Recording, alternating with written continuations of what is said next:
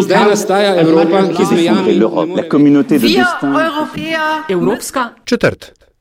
I don't know why you are becoming nervous when you are speaking about the European Union. Spoštovane in cenjeni, dobrodošli v podkastu Evropska četrt, podcast o vsem, kar vas bo zanimalo o Evropski uniji, pa niste vedeli, koga vprašati. Evropsko četrt vodi vam Nataša Briški in Aljaš Pengov Bitens. Podcast domuje na spletni postaji metinalista.si, v vašem nabiralniku pa sveža epizoda takoj, ko je na voljo. 29. marca sta menili dve leti, odkar je vlada Theresa May sprožila postopek po 50. členu pogodbe o Evropski uniji in ko bi moralo Združeno kraljestvo izstopiti iz povezave. To se še ni zgodilo, proces Brexita pa je ujet v gordijski vozu političnih intrig, razklanosti in tudi arogance britanske politike. Zakaj smo po dveh letih pogajanj Londona z Brusljem in skoraj tri leta po tistem nesrečnem referendumu še vedno tam, kjer smo bili, kje so vzroki za najglobjo politično krizo Združenega kraljestva po drugi svetovni vojni in kako se bo vse skupaj razpletlo, nama bo povedal posebni dopisnik RTV Slovenija iz Londona in avtor izvrstnega dokumentarca Razdruženo kraljestvo Adrian Bakič. pozdrav v London, tam si že od januarja letos, a ne? Lepo zdrav iz Londona. Ja, tako je. Pač na RTV Slovenija smo se odločili, da je Brexit precej velika evropska zgodba. V Londonu nismo imeli dopisnika, tako da a, so mene poslali zdaj za nekaj mesecev kot posebnega poročevalca.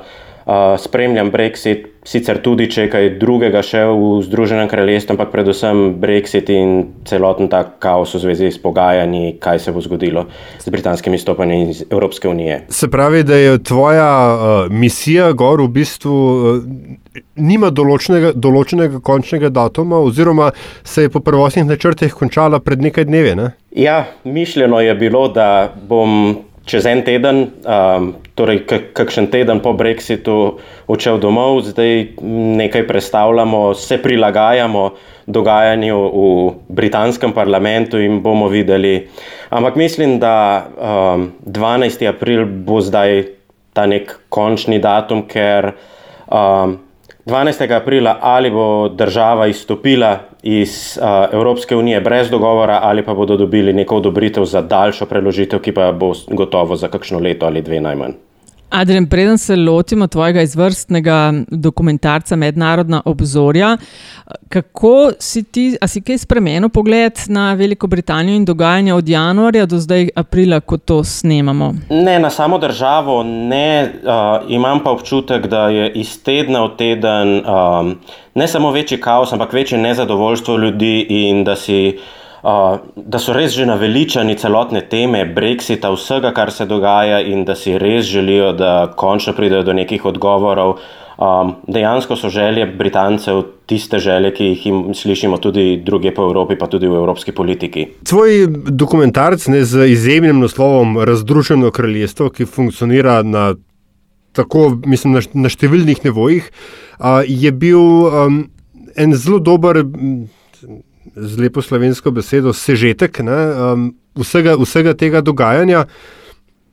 Ampak, če bi ga lahko mogoče še dodatno destilirali, zakaj smo, ali pa zakaj so, kjer so, oziroma smo, kjer so, smo, karkoli pa že. Jaz bi rekel, da pod črto je to krivda britanske politike na splošno. Kot je bilo, upam, da razvidno iz dokumentarca, se zadeve seveda niso začele um, 23. junija 2016, ampak že precej prej.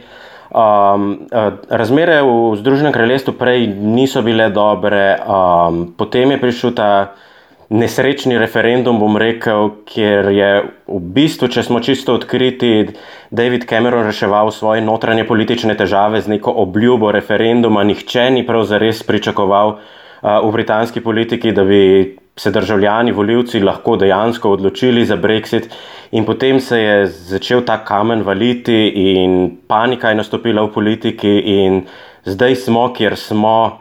Um, država je precej razdeljena na različnih nivojih uh, in med različnimi deli, torej med Škotsko, Irsko, Walesom, Anglijo, po generacijskih um, generacijske razpoke so nastale in tako naprej. In no. vendarle se zdi, da je še vedno ostaja to vprašanje ne samo politike britanske, ampak celo znotraj strankarskih odnosov. Uh, 1. aprila je v tem zadnjem glasovanju, za vse enkrat zadnjem glasovanju, ko to snemamo, je odstopil zdaj vodja poslanske skupine, ker je rekel, da njegova stranka ni sposobna kompromisov sklepati, laboristi so skregani med sabo, ker je ta tako imenovana skupina neodvisnih poslancev glasovala proti um, carinski uniji. Kle so en kup enih dinamik, ki v resnici preko Westminstra, preko, preko parlamenta sploh ne grejo. Absolutno. Britansk, Brexit je britansko politiko popolnoma spremenil. Tukaj zdaj ne govorimo več, o, ne govorimo več samo o konzervativni in laboristični stranki, govorimo predvsem o tem, kdo je za Brexit, kdo je proti Brexitu in pri tistih, ki so za Brexit, za kakšen Brexit so. In tu, nastal, tu je nastalo neko novo politično okolje, v katerem se britanski politiki pravzaprav še ne znajdejo. Mogoče pri tem zadnjem, uh, zadnji vrsti glasovanj, uh, ki si je omenil, še lahko rečemo, da izidi so bili razmeroma tesni. In naj, še najbližje je bila možnost izstopa z obstankom v carinski uniji, kjer so zmanjkali uh, trije glasovi. In če bi, denimo, ta novo nastala skupina neodvisnih poslancev, ki so razočarani nekdani laboristi in razočarani nekdani konzervativci, glasovala za to možnost, bi ta možnost uspela. Po drugi strani, drugi referendum, mu je zmanjkalo 12 glasov. In več kot 12 laborističnih poslancev je glasovalo proti temu, kar pomeni, da če bi se oni držali te neke strankarske laboristične politike, ki se vsaj na načelni ravni zauzema za drugi referendum, bi tudi ta opcija že ob zadnjem glasovanju uspela. Tako da tukaj vidimo, da znotraj strank uh, vladajo različni interesi in različna stališča. Mene zanimajo pa, Adrian, tudi čisto tehnične informacije samega snemanja. Kaj je bil cilj, ko si se oziroma ste se lotili teh obzorij? Moj cilj je bil, da pokažemo Brexit z enega drugega vidika. Zdi se mi namreč, da že ne samo zadnji mesec, ampak lahko rečemo zadnji dve leti poslušamo o premijejki Mejevi, o vodji opozicije Corbinu, o Borisu Johnsonu, o Nigelu Faražu in o vseh drugih, uh, Jacobu Rismogu, ki je eden glavnih trdih Brexiterjev, o vseh poslušamo, malo krat pa slišimo, kaj pravijo ljudje, zakaj so se odločili, kot so se odločili, kako spremljajo ta politični kaos. In to je bil moj cilj, da grem v različne dele države, se pogovarjam z različnimi uh, sloji prebivalstva, različnih poklicev, um, kako na vse gledajo in ka, kakšno prihodnost vidijo za svojo državo. A se je bilo težko dogovarjati? Če zaradi tega me zanima, ker se mi zdi, imam včasih občutek, da so mogoče bili kakšni ljudje jezni, ker. Drug del ali pa celinska Evropa malo drugače gleda kot Britanija, mogoče na ta odhod, ki je vendarle vse razdeljena, kot praviš. Ja, moram reči, da um, To je moj četrti dokumentarec, ki sem ga delal in da sem imel tukaj pri, pri navezovanju stikov in potrjevanju raznih razgovorov največ težav do zdaj. Ampak morda je to tudi zaradi prenasičenosti ne na zadnje, tukaj nas je ogromno novinarjev, uh, ogromno je dogajanja, ljudje pa nekateri niti ne vedo več, kaj bi povedali ob vsem tem. Um, res pa je, no, to, kar omenjaš, da. Um, marsikdaj ne razumejo. Veliko, veliko sogovornikov me je spraševalo, kaj pa vi mislite, kaj pa v Evropi mislijo. Um, in vsak, prav vsak je v bistvu iskal neko potrditev, da razmišlja prav. Tudi, da nimo, morda se je gledalcem, uh, so, sta se zdeli zgodbi ribičev najbolj zanimivi, z najbolj uh, radikalnimi stališči za Brexit. A je bil odziv na ribiče najbolj uh, konkreten? Ja, se mi zdi, da ja, predvsem z, z tistimi izjavami, da si želijo, da bi bila, bilo Združeno kraljestvo spet takšno, kot je bilo v 19. stoletju. Uh, te, pri, teh, pri teh izjavah so gledalci, kolikor sem dobil odziva, kar zastrigli z ušesi. Um, ampak to je Združeno kraljestvo, to je njihova zgodovina, to je njihovo razmišljanje in tako kontradiktorna, kot je politika v tem času, je kontradiktorno tudi razmišljanje ljudi. To je treba vedeti. Zdaj, kje je večina? Ves čas se sprašujemo, kje je večina, ali se je večina ljudi premislila, ali je večina še vedno za Brexit. Um, to jaz prepuščam zdaj politikom, statistikom in vsem. Dejstvo je pod črto. Uh, da je družba razdeljena in to ni dobro. Če gledamo v parlamentu, večine v resnici ni za nič. Ne? Tako je, večine ni za popolnoma nič. Zdaj smo imeli trikrat glasovanje o dogovoru premijejke Majeve z Evropsko unijo, trikrat je padel, sicer vsak, vsakič z manjšo razliko, zdaj, zdaj razlika 58 glasov bila ob zadnjem. Potem smo imeli pa te alternativne rešitve, o katerih so v parlamentu, to so jih predlagali poslanci v parlamentu, so glasovali dvakrat, prvič o osmih, uh, drugič o štirih in nobena rešitev ni dobila parlamentarne večine niti uh, relativne, kaj šele absolutno 320 poslanskih glasov. Ko, so, pač, ko gledamo Brexit od zunaj, uh, se zdi, kot da se pozablja na en ključen element zgodbe. In sicer, da ko na kakršen koli način pač že uh, Velika Britanija preneha biti članica Evropske unije, da je to šele začetek pogajanj o kakršnem koli bodočem odnosu uh, uh, z Evropsko unijo. Medtem, ki je narativ, ki prihaja iz Londona, pogosto tak, da se zdaj, vsakršno pač glasovanje, ki poteka zdaj, da ona določajo, kakšen ta odnos bo. Tako je, to drži. Um, ob tem bi morda omenil, da vsa ta glasovanja so precej zapletena, vsi predlogi zapleteni in. Številni tukajšnji komentatorji tudi pravijo, da zelo veliko poslancev niti ne ve, o čem glasujejo.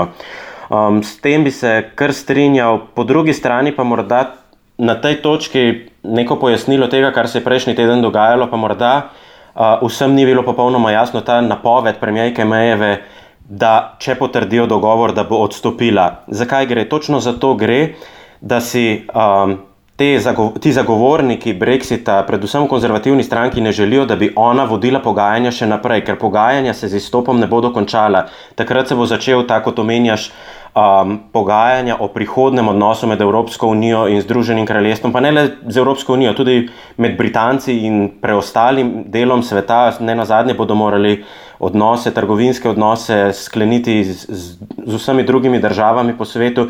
In ta del bo zelo pomemben, um, in vprašanje je, kdo bo ta del, ko se bo zgodil, če se bo zgodil dejansko vodil, ker uh, premijerka Mejeva se je očitno izkazala za nekoliko nespretno uh, v pogajanjih, oziroma morda lahko rečemo tudi uh, uh, preveč trdno, preveč na svojih stališčih, nepopustljivo na točkah, ko morajo pogajalci vendarle popustiti. Um, po drugi strani pa, kdo je tisti politik v Združenem kraljestvu trenutno, ki bi to lahko vodil naprej? Pogosto je Adrian Zotoka slišati, uh, kadar se pogovarjajo z ljudmi, o tega nismo vedeli, o nismo si predstavljali, da bo tako. Ne? Kar je gotovo posledica skrajno zavajojoče kampanje, ampak se mi zdi, da so velik del tu odigrali tudi mediji, ki so Eh, in ta kampanja na medijski strani traja že desetletja, nikoli zares o Evropski uniji poročali, kot bi mogoče veljalo, se pravi, fakti bruti, ampak so vse čas eh, večina navijali za izhod. Zdaj ti imaš, ti zdaj živiš tam, kakšen občutek imaš, na čigavi strani so kampus Molitaco. Ja, torej, britanski mediji vse čas. Um, igrajo precej pomembno vlogo, odvisno je tudi, katere medije prebivalci berajo. Um, vemo, da britanski mediji so razmeroma usmerjeni, um, oziroma se odločijo, na katero stran bodo pristopili. Um, zdaj, če pa gledamo resno zdaj, v tem trenutku, kaj je, um, se pa mi zdi, da tudi britanski mediji so v tem nekem um, balončku ne vedo, kaj se dogaja, in, in samo gledajo, kaj se bo zgodilo v, tem, v tej Westminsterski palači, uh, kaj se bodo politiki odločili. Dejansko se zadeve tako hitro odvijajo in tako presenetljivo, da niti mediji več temu ne sledijo. No? Uh, no, sta pa tako, kot si že prej omenil, ne, sim, tudi meni se je zdela tista izjava Ribiča znotraj eh, mednarodnih obzorij, da rekel je, v 19. stoletju smo vladali večini sveta, zakaj ne bi še danes. Ne? Uh, ta se je tudi meni zdela, predvsem, wow. Uh, ena stvar, druga pa tudi ta irski del, ki se ga pokril. Ne, ne traja tako dolgo mir, kar se tiče um, vprašanja Severne Irske uh, in meje z Irsko. Ne, in tukaj um, se mi zdi, da se vtegnejo odprt uh, kakšna vrata, za katera si ne bi želeli. Ne. Absolutno. Mislim, veliko krat se pozablja, da je od velikonočnega mirovnega sporazuma minilo 20 let, nič več kot 20 let. Ja. Um, in razlike na severnem Irskem so res ogromne. Mogoče lahko povem še eno zadevo. Meni se je zdelo zelo zanimivo, pa tega potem v Daji um, nisem uspel uh, v takšnem obsegu predstaviti. No, pogovor s temi mladimi glasbeniki v Derju. Um, in oni so, so razlagali tudi o življenju mladih uh, v mestu, to je drugo največje mesto, Derry, London, Derry, sicer uradno, um, ki je povsem ob meji z Irsko. In so mi razlagali, da oni kot recimo mladi, neustrašni in tudi neobremenjeni, stari 18-20 let, v določene dele mesta sploh ne hodijo. Uh, torej, ljudje se gibljajo po različnih delih mesta, pravijo sicer, da ni to zdaj strah, da, ki, bi, uh, ki bi jim preprečeval, da grejo v tiste dele mesta, ampak preprosto ne želijo izzivati. In tako je življenje na Severnem Irskem danes. Um, republikanci oziroma nacionalisti na eni strani, unionisti na drugi strani, uh, lahko vidimo četrti s popolnoma različno ikonografijo, z različnimi grafiti. In to tako je. Bi pa morda pri Severni Irski omenil še eno zadevo, ki se mi zdi pri tem odločanju glede prihodnosti Brexita zelo pomembna. Jaz sem se gibal predvsem na obmejnem območju in lahko rečem, da prav vsi v teh krajih ob meji, uh, ob meji med Severno Irsko in Irsko so, so bili zadovoljni s tem, da je v tem dogovoru, ki ga je Mejva sklenila z Evropsko unijo, ta, to zelo glasno irsko varovalo. Aha. Vsem ob meji se, se zdi, da je to tisto, kar jim zagotavlja, da tam ne bo ponovno carinskega nadzora, da ne bo ponovno se vrnila britanska policija ali celo vojska.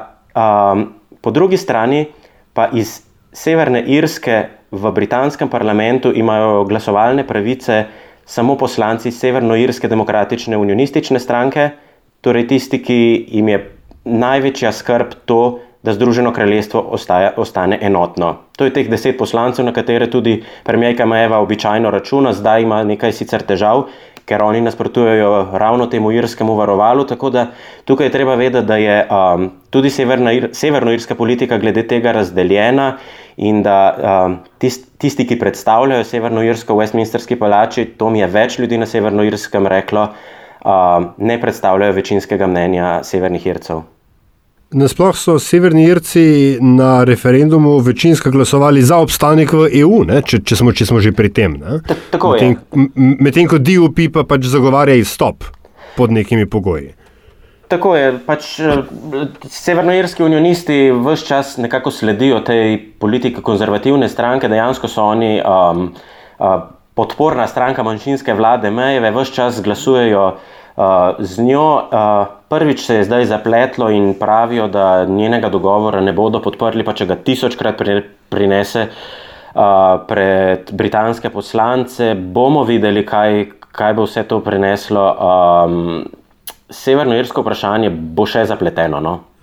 Zdaj, ker, je, ker je zelo zapleteno, bom zdaj naredil vsem nam zelo slabo uslugo če ga poskušamo poenostaviti. Ampak, če prav razumem, gre po eni strani za vprašanje ekonomskih odnosov med Severno Irsko in Republiko Irsko, kjer je slednja ta hip močnejši partner, če prav razumem. Uh -huh. A, po drugi strani gre pa seveda za, in to je največji strah uh, severnoirskih unionistov, da bi lahko na podlagi velikonočnega mirovnega sporozuma prišlo do referenduma o združitvi Irske. Ja, Morda so zadeve še malo bolj zapletene. Tu je, tu je prav to irsko varovalo. Kaj to irsko varovalo uh, v, v sporazumu govori? Govori o tem, da če se, če se Združeno kraljestvo in Evropska unija v tem prehodnem obdobju, ki je predvideno do konca leta 2020, ne dogovorita za nek trgovinski sporazum, nastane, uh, uh, ostane Severna Irska na enotnem evropskem, trgu, enotnem evropskem trgu in v carinski uniji, Združeno kraljestvo pa samo v carinski uniji. In to je tem unionistom um, kamen spotike, da bi dejansko en del Združenega kraljestva imel drugačna pravila kot ostali, posledično bi to pomenilo razdelitev države. Razdruženo kraljestvo, kot si zelo fino Tako, naredil na Razdruženo slovo. kraljestvo, tako ja. Super, kdo se je spomnil tega naslova? Uh, ta naslov sem, je meni nekako v glavi um, uh, Krasen naslov. nas, nastal, potem smo se z, režiser, z režiserko še dogovarjala. Um, če, če, bi, še druge če opcije. bi bila še kakšna podobna opcija, ja, ampak je v bistvu na koncu kar ta prva ideja ostala, ker najbolje uriše um, celotno dogajanje in v politiki, in v družbi, um, in geografsko. In tako. Ja. Eh, Zdaj, glavni pogajalec za Evropo, Barnier, zadnja izjava je, eh, da če ne potrdijo sporazuma Britanci, da ostajata dve opciji, ali izhod brez dogovora, ali podaljšek tega 50. člena. Eh, Slovenska vlada je za slovence, ki poslujejo z Britanijo in obratno, pripravila nekaj informacij na spletni strani. Me zanima, ali si imel v tem času kaj stikov z eh, predstavniki slovenske skupnosti, s poslovneži o tem. Ja, uh, sem go- govoril, sem pa tudi nek, nekaj reportaž na, naredil o slovencih tukaj, um, predvsem v Londonu, no, uh, druge nisem s- snemal uh, slovencev. Um, Se ti zdi, da jih skrbi? Skrbi po eni strani, ampak po drugi strani pa bolj opazujejo in čakajo, kaj se bo zgodilo. Pomembno je v v tem času, predvsem za slovence, ki bivajo tukaj v Združenem kraljestvu, to, da si bodo uredili status po, uh, po Brexitu. Ampak ta stat, tega statusa skoraj da nihče še ni začel niti urejati, te, zato ker čakajo. Čakajo, kaj se bo dejansko zgodilo, se jim zdi uh, nesmiselno, da dokler a Britanci sploh se ne odločijo, kaj in kako, da, da bi vlagali vse te papirje. Ne na zadnje, to urejanje statusa um, več kot 3,5 milijonov evropskih državljanov Združenega kraljestva je tudi precej mukotrpno. To bo ena največjih nalog za notranje ministrstvo. Pripravili so neke um, um, mobilne aplikacije za to, ampak zopet te mobilne aplikacije delujejo. Um, Le na telefonih, ki imajo Android, na, na ostalih telefonih ne delujejo, tako da tukaj so, je spet uh, neka zmešnjava nastala, in v popolnosti te stvari še sploh niso stekle. Um, tako da to urejanje statusa bo zelo pomembno. Po drugi strani pa tisti, ki tudi Slo- Slovenci in tudi ostali, ki delajo v nekih velikih multinacionalnih podjetjih, uh, ne vedo, kaj se bo zgodilo. Vemo, da v londonskem Cityju, pa tudi drugot, velika podjetja razmišljajo o umiku proizvodnje, delo proizvodnje svojega sedeža v druge uh, dele Evropske unije, predvsem zaradi te negotovosti. No. Eno vprašanje še, um, pa je ta, ta je taka mečka gigovska, ne? ampak ko, slo, ko slovenski mediji poročajo o dogajanju, veliko krat uporabijo izraz Velika Britanija. To je tehnično zelo narobe. Ne? Uradno ime države je Združeno kraljestvo Velike Britanije in Severne Irske. V Sloveniji se je v, v, v preteklosti uveljavila Velika Britanija, ampak predvsem pri Brexitu je Združeno kraljestvo precej ustreznejši izraz, zato ker gre predvsem za vprašanje Severne Irske v teh trenutkih. No, sej, ja, to, to, to sem mislil. Ne? Tako da se lahko tudi um, vsi skupaj iz, iz, iz, tega, iz tega kaj naučimo. No, eni rečejo Anglija in mislijo vse skupaj. Vse včasih, ta- včasih se zdi, ne, kot da gre samo za Anglijo. Ja, ja, ja. Sej, ti što si dober dal not. Če smo odkriti, je kar nekaj mojih sogovornikov v drugih delih države mi reklo, zato so se odločili Angleži. Ne? No, no, no, no. sej, Angleži pa valižani, ne? Severnojerci pa Škoti so bili pa za ostanek v, Tako, pred, obstanek v Evropski uniji. Pa, pa- ampak predvsem gre tudi zaradi števila. Ne? Teh severnih Ircev je 2 milijona, Angležev je čez 50 milijonov in to, je- to je ta odnos. Ne? Ja. Se pravi, kaj zdaj? Uh, Evropski vrh na temo Brexita 10. aprila, čakamo, kaj se bo zgodilo 12. aprila in potem naprej. Ja, jaz mislim, da 12. april je zdaj nek končni datum. Zdaj, če, če se bodo tukaj v Londonu kaj odločili do 10. aprila, um, bomo videli. Evropska unija seveda čaka, ali bodo prišli z nekim konkretnim predlogom za morebitno daljše, podaljšanje, daljšo odložitev Brexita. Uh, treba je vedeti, da bodo v Bruslju evropski voditelji gotovo zahtevali konkreten predlog, zakaj bi to odložitev uh, Združeno kraljestvo rado imelo.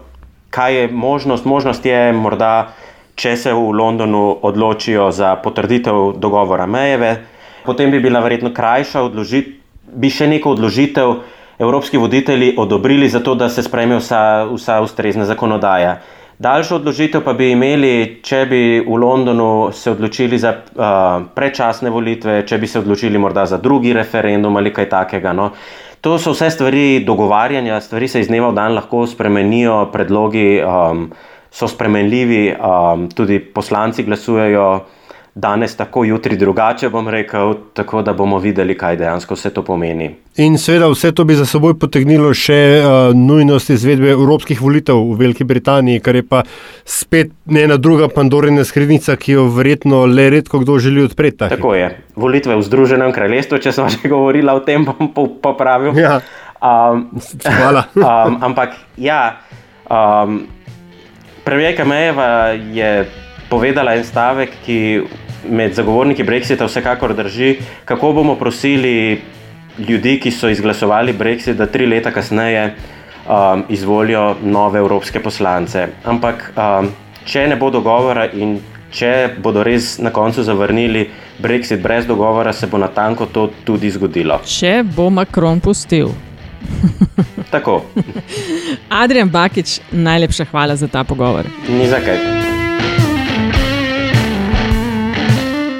In ker se okoli Brexita stvari odvijajo vedno hitreje, dodajmo še, da je po koncu snemanja te epizode Theresa May predsedniku laboristične stranke in vodje opozicije Jeremyju Corbinu predlagala sodelovanje pri oblikovanju bodočega odnosa z Evropsko unijo in pri tem namignila tudi na možnost obstanka celotnega Združenega kraljestva v carinski uniji, vendar pa so na ta predlog nekateri poslanci in eh, ministri v njeni lastni stranki reagirali zelo žalčno, tako da tudi usoda te zadnje pobude za oblikovanje neke vrste Brexita ni znana.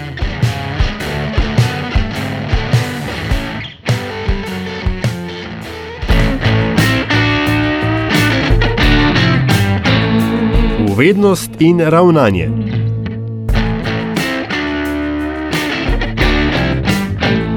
Novica iz Evropske investicijske banke. Energetsko zagonsko podjetje Resalta iz Slovenije bo od njih prejelo 6 milijonov evrov posojila, s čimer naj bi jim omogočili, da se razvijajo v velikega neodvisnega ponudnika energetskih storitev in rešitev za obnovljive vere energije. Resalto so ustanovile slovenske družbe Gorenje, Geoplin in Energetika Ljubljana, več informacij pa na povezavi, ki jo priloživa. Svet Evropske unije je potrdil dogovor o okrepitvi Frontexa, Evropske mejne in obaljne straže, stalno enoto 10.000 mejnih stražarjev do leta 2027. Okrepljena Evropska agencija za mejno in obaljno stražo bo poleg dodatnega osebja, ki bo državam Evropske unije vedno na voljo za pomoč, imela tudi več pristojnosti glede vračanja, prav tako pa bo tesneje sodelovala z nečlanicami Evropske unije, tudi državami v njenem neposrednem sosedstvu. Slovenija dogovora sicer ni podprla, saj po njenem mnenju ne prinaša dovolj velike dodane vrednosti. Ljubljana je prepričana, da ukrepu manjkajo predvsem objektivna merila za določanje prispevkov posamezne države članice. Po neuradnih informacijah sta bili proti tudi Italija in Španija.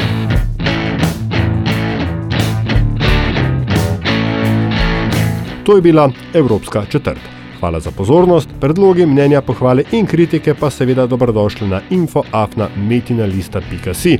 Na družbenih omrežjih pa je uradni ključnik Evropska četrt. Avtor glasbene podlage pa je peli iz Hišem Benda, Afna Hišem Bend. Če vam je vsebina všeč, bo pomagalo, da nas najde še kdo, če naj ocenite pri vašem izbranem podcast ponudniku.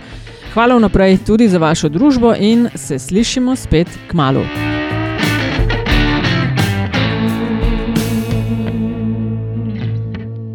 Difference of opinion is of the essence of politics.